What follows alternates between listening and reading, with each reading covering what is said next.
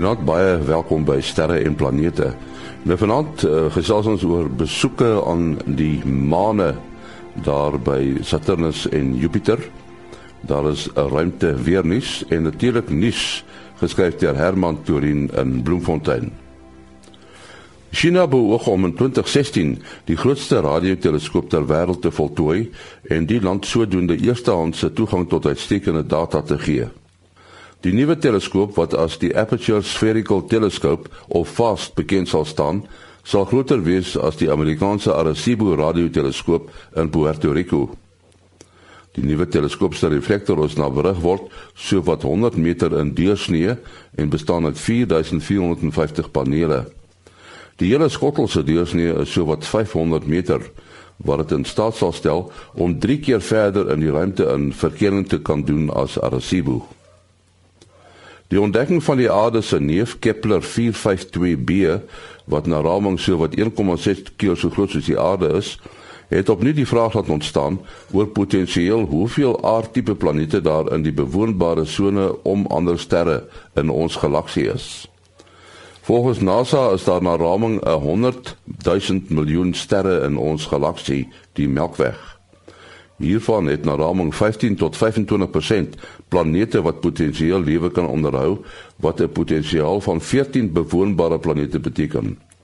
Net 1000 miljoen van hierdie planete wentel egter om 'n G-klas ster, soortgelyk as die aarde se son.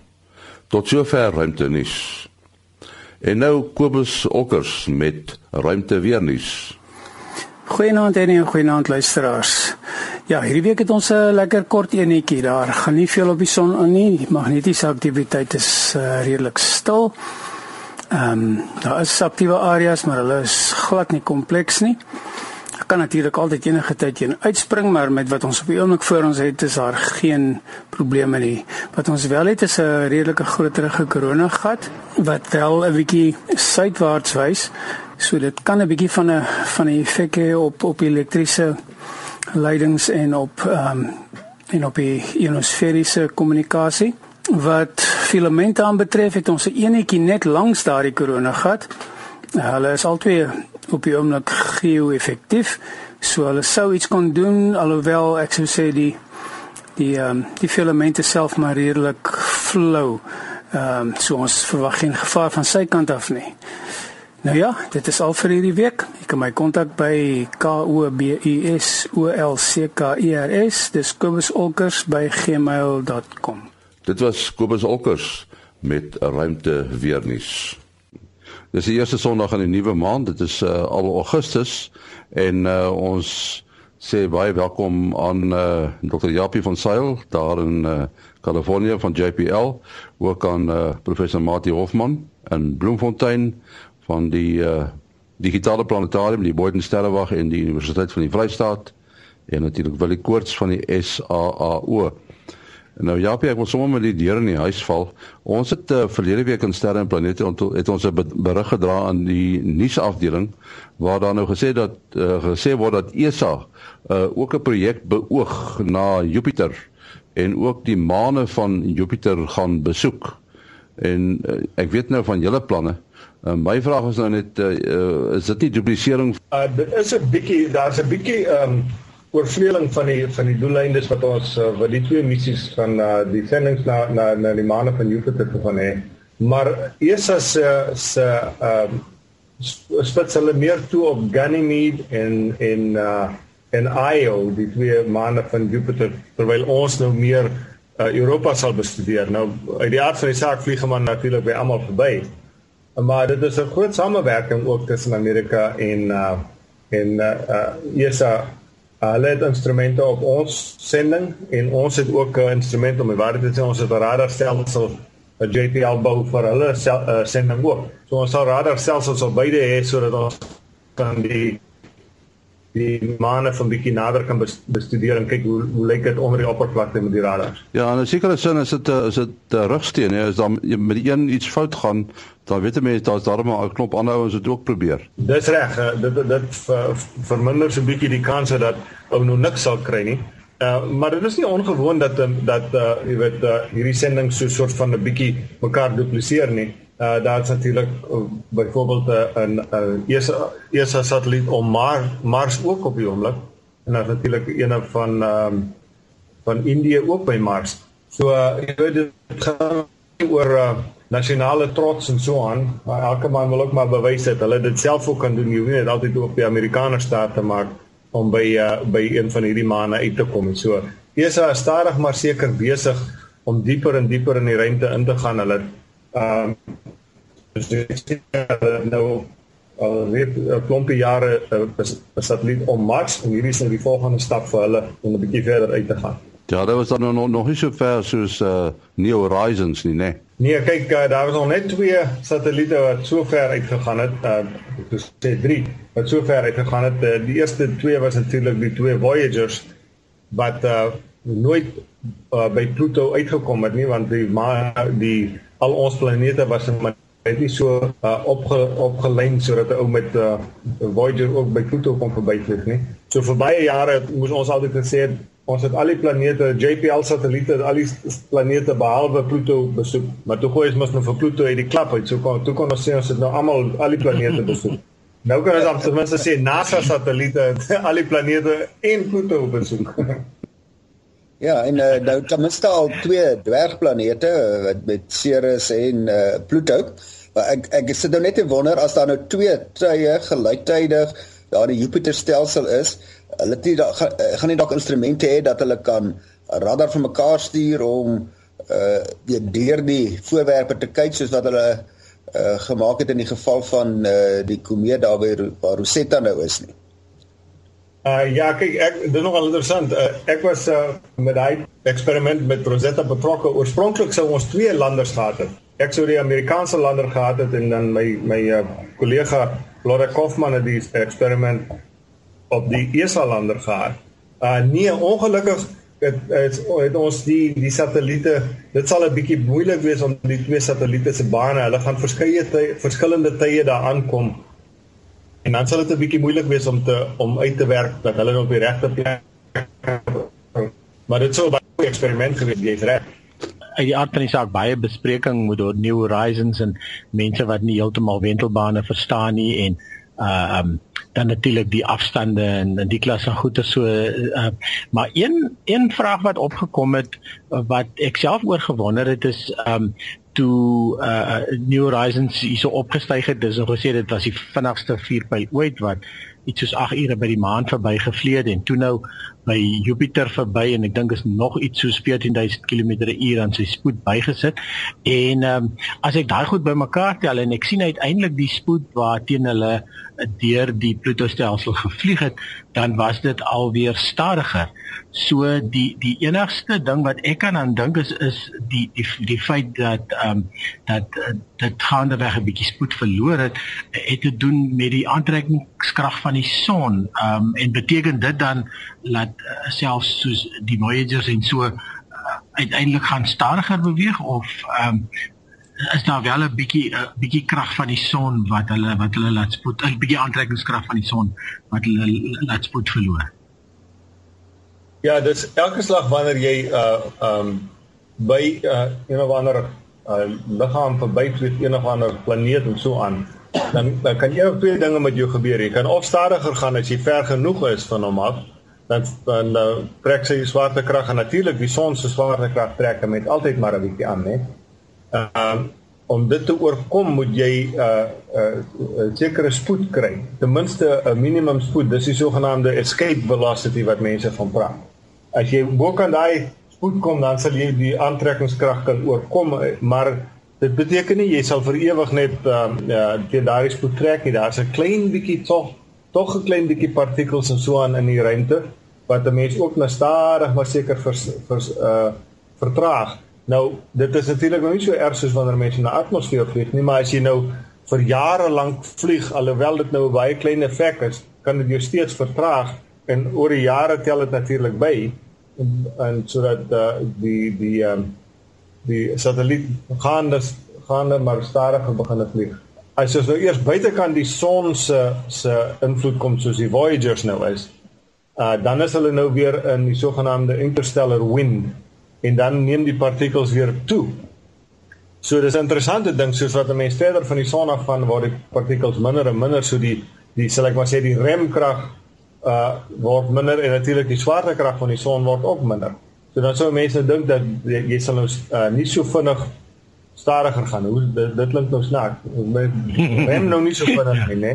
Mens rem nou nie so ja. vinnig soos wat jy verder gaan nie, maar as jy dan weer in die interstellar wind kom, dan is daar weer er, uh, meer partikels dan dan ver, ver, vertraag die die satelliete weer meer. Ja. Uh, ja, ja, terwyl ons nou by die onderwerp is van spoed optel of spoed verminder wanneer 'n voorwerp naby 'n planeet kom, ek het my nou self vandag uh vasgevra uh, toe ek nou uh, lees hierso van die maan Triton van ehm um, uh van, van Neptunus. Ehm uh, mm -hmm. wat anders om sy eie as roteer as wat die planeet om sy as roteer en dit is dan 'n aanduiding dat hy nie saam met hom gevorm het nie, maar daar moes verbygekom het en toe gevang gewees het deur die gravitasiekrag. Maar as mens nou dink aan wat ons ons noem 'n tweeliggaam probleem, uh as 'n voorwerp nou na die ander voorwerp toe weer na hom toe beweeg, dan gaan hy nou vinniger beweeg, maar as hy hom mis, dan dan is die proses mos nou simmetries weet dan gaan hy nou weer stadiger uh, beweeg. So hy kom nou van baie ver af.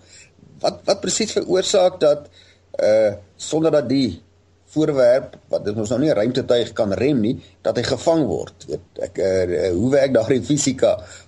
Kyk, dit is soos maar ons voorheen ons satelliete sien nou maar om Mars gesit het voordat ons die sogenaamde aerobraking ding uitgewerk het. Ek kan net sê wat dit beteken. Maar in elk geval, wat gebeur is as jy nou nader na die planeet toe kom, nê, daar is 'n spoed as jy minder as 'n sekere spoed vlieg dan gaan die swaartekrag van die van die planeet jou satelliet nou in in hierdie geval nou 'n maan sal sal dan uh so ek maar sê gevang word wat dit beteken is die satelliet gaan dan in 'n baan gaan om die maan nou dit hang af uh die van die spoed as jy uh baie stadig ingekom het wat dit beteken dan is jou jy jy word so soort van hard gerem en jy sal heel waarskynlik dan uh direk sommer in die planeet vasvlieg. En dis nou baie keer gebeur met uh, asteroïdes en so en wat ons nou sien. Maar as jy as jy net die regte spoed kom, dan kan jy in 'n stabiele baan gaan om die planeet. Daar is 'n hele sal ek maar sê so um 'n klein speling in die spoed wat jy kan hê. En afhangende van hoe hoog die spoed was, dan gaan jy in 'n sogenaamde elliptiese baan gaan om die planeet. En as jy nou die regte spoed het, dan kan jy on, omtrent 'n sirkel 'n uh, sirkelvormige baan gaan. So daar's 'n klein bietjie van 'n speling. As jy vinniger as dit gaan, dan word jy nou maar net op die oomblik 'n bietjie versnel, maar soos jy weer wegtrek, dan word jy weer vertraag. Nou wat baie interessant is, ons gebruik daardie selfde effek met twee satelliete wat om die aarde wendel, dit word Grace genoem. En Grace, die twee satelliete vlieg 250 km uitmekaar uit. En dan meet ons die afstand tussen hierdie twee satelliete tot 1 miljoenste van 'n millimeter. So 'n mikro uh, 1 miljoenste van 'n meter, 'n mikron. Uh 'n mikrometer en dan hmm. terwyl hulle nou vlieg as hulle by 'n aarde van 'n deel van die aarde kom wat groter swaartekrag het, dan versnel die eerste een 'n bietjie relatief tot die tweede een, hè. En wanneer hy by verby die plek met die hoër swaartekrag gaan, dan verstraag hy weer 'n bietjie. So op grond van hierdie metings kan ons dan die aarde se swaartekragveld presies bereken en ons doen dit een keer elke maand. Ons kyk byvoorbeeld die internasionale ruimtestasie wat uh, om die aarde wentel, maar so elke nou en dan moet hulle hom weer opstoot in sy baan. Is dit omdat daar so 'n bietjie atmosfeer daar is? Toe ons in uh, 2000, jaar 2000 het ons mos 'n radar eksperiment gedoen op die, so op jou space shuttle nog. Hy het op 234 km gevlieg. Nou op 234 km is daar genoeg atmosfeer alhoewel dit baie dun is is daar genoeg atmosfeer dat hy die die die uh, shuttle vertraag het dat hy 'n kilometer per dag afgekom het. So elke nag ongeveer 2 uur in die môre het ons hom weer 'n bietjie ge, krag gegee met die vuurpyle om hom weer op te stoot. En is so ons bane te naby aan mekaar beweeg het oor die tyd. So vir 10 dae elke nag het ons hom weer 'n bietjie krag gegee sodat hy weer op 234 kan bly. Maar dit gee jou 'n idee van die van die effek op uh, op 234 km um, is daar nog genoeg atmosfeer dat hy 'n uh, tuig soos die die shuttle 1 km per dag laat afkom. Ja, nee, net om daarbey aan te sluit, aan te sluit. Ek het al gesien op uh die heavensabove.com uh, webwerf wat netlik nou baie lekker is vir satellietvoorspellings sommer vir enige een. Uh is daar ook 'n plekkie waar jy kan klik en dan wys dit vir jou die uh die ruimtestasie se baan en dan kan jy sien hierdie saagtand uh as die die die, die tand kom af as soos wat hy nou natuurlik nou hoogte verloor en dan en dan gaan die sagtand op waar hulle hom nou geboost het. En uh nou en dan dan sien jy ook laat hulle hom laat laat sak dit lyk dit vir my en ek neem aan dit is dan om een of ander botsing te vermy met 'n ander satelliet. Dis reg. Uh, uh, uh, ons doen redelik gereeld met satelliete as daar 'n uh, daar's 'n ehm um, mense wat hierdie satelliete so trek met die tyd. En as hulle voorspel dat daar botsing gaan kom dan dan beweeg ons. Die enigste manier wat jy kan uit die pad uit beweeg is jy kan of opgaan of afgaan. Jy kan nie links of regs gaan. Ongelukkig nie. Dit vat presies baie uh, krag om dit te doen. So dan vlieg jy of 'n bietjie hoër of 'n bietjie laer net om vir tot die ander ene verby is en dan kom jy maar weer terug na jou baan en hierdie hierdie uh, op en af beweeg dis nou klein vuurpoutjies is dit maar hydrazine wat gebruik word Ja, dis oor oor oor die algemeen is dit hydrazine wat gebruik word. Uh dis dis die mees algemene. Nou vir kommunikasie satelliete wat by die sogenaamde geo uh synchronous orbit is. Hulle gebruik deesdae meestal elektriese aandrywing, die ion aandrywing. Hulle het uh, van die engines al. Uh want hulle moet vir 15 jaar daar bly en as jy vir 15 jaar moet uh, hydrazine vat, dan sal dit 'n vreeslike klomp um brandstof nodig hê. So hulle doen dit nou meer ekonomies. Dit vat 'n bietjie langer. So jy sien nou nie so 'n saagtand nie, jy sal nou meer 'n driehoekvormige ding sien as jy met hulle kyk. Want uh, die die ding is maar redelik stadig om hom weer op te stoot. Maar um, jy kan dit redelik gereeld doen, so jy bly min of meer daai die die die uh, driehoekvormige patroon is baie kleiner as wat jy dit normaalweg sou sien. Maar maar maar mense het 'n spuitmotor nodig, nê? Nee? Ja, kyk die ionaandrywing al wat dit is jy jy gebruik ehm um, um, een of ander metaal gewoonlik 'n uh, indium of some of iets van die aard en dan versnel jy die partikels met 'n elektriese krag. So die die, die spuit word deur hierdie uh, deeltjies wat 'n lading op hulle elektriese lading op hulle het dan veroorsaak. En die manier waar jy die spuit kry is jy sit 'n elektriese veld wat hierdie goeders dan aantrek en dan vlieg hulle nou deur so 'n uh, so 'n sif en dan versnel hulle die ding op uh, die satelliet op die manier ek weet uh, uh Greg Roberts uh, ek weet nie of of of die naam al by julle uitgekom het dan nie die ouens wat al hierdie uh, spionasie satelliete hier opspoor uit Suid-Afrika uit en um uh, wat ek, wat wel gebeur het is met een of twee van die botsings uh een was mos veroorsaak juist deur 'n geklassifiseerde satelliet en die goed se bane word nie bekend gemaak nie. Uit die hart van die saak sal dit natuurlik binne NASA en JPL bekend wees, ek is seker. Maar ehm um, dit is nogal interessant die die ander mense weet dan nie van hierdie satelliete en om om hulle eie satelliete uit die pad uit te kry nie. So dit is nogal 'n bietjie van 'n gevaar daar. Ja, oor die algemeen is daar redelike uh, samewerking ehm um, as die as die lande met mekaar uh, goeie verhoudinge het, soos byvoorbeeld tussen Amerika en Europa, dan waarsku jy mekaar dat daar uh, jy weet een of ander satelliet op pad is. Maar uh, dit is natuurlik nog nie die geval met al die lande nie. En dan is daar natuurlik altyd die vrees dat een of ander uh mense dit moetswillig sal doen natuurlik ook om die satelliete uit aksie te stel. Ja. So. Dis 'n dis maar 'n 'n moeilike politieke probleem. Goed, die tyd het ons ingehaal. Japie, jou besonderhede? Uh my e-posadres japiejpl@gmail.com. japiejpl@gmail.com. Mense kan bel as jy mense op WhatsApp 072 4579208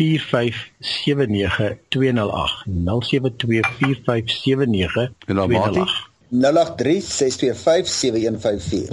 0836257154 en my e-pos maas.henny@gmail.com maas.henny@gmail.com Volgende week dieselfde tyd is ons hier. Alles van die beste.